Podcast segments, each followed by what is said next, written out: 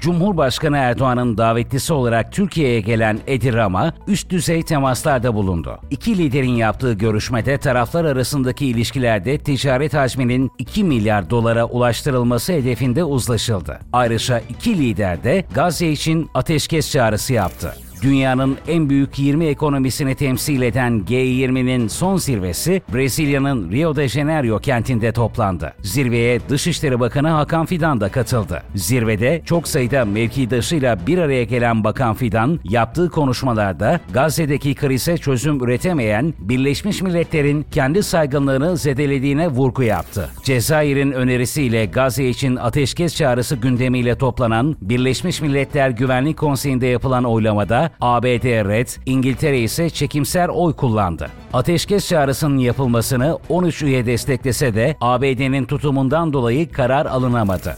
Ermenistan Başbakanı Nikol Paşinyan Paris'i ziyaret etti. İki ülke arasındaki savunma işbirliğinin geliştirilmesi amacıyla yapılan ziyarette Paşinyan, Fransa Cumhurbaşkanı Emmanuel Macron'la bir araya geldi. Macron, Fransa'nın Ermenistan'a desteğini sürdüreceğini açıklarken, Paşinyan da Rusya'nın liderlik ettiği Kolektif Güvenlik Anlaşması örgütü toplantılarına katılmayarak örgütten fiilen çekildiklerini ifade etti. Yunanistan'da hükümetin ve Avrupa Birliği'nin tarım politikalarını protesto eden çiftçiler başkent Atina'da traktörleriyle protesto gösterisi düzenledi. ABD Başkanı Joe Biden'ın Rusya Devlet Başkanı Vladimir Putin'e o nokta çocuğu demesi Moskova'nın tepkisini çekti. Rusya Güvenlik Konseyi Başkan Yardımcısı Dimitri Medvedev, Biden'a bunak derken Rusya Dışişleri Bakanlığı Sözcüsü Maria Zakharova ise o çocuğun Biden'ın oğlu Hunter Biden olduğunu belirtti. Putin ise Biden'ın açıklamalarına ABD seçimlerinde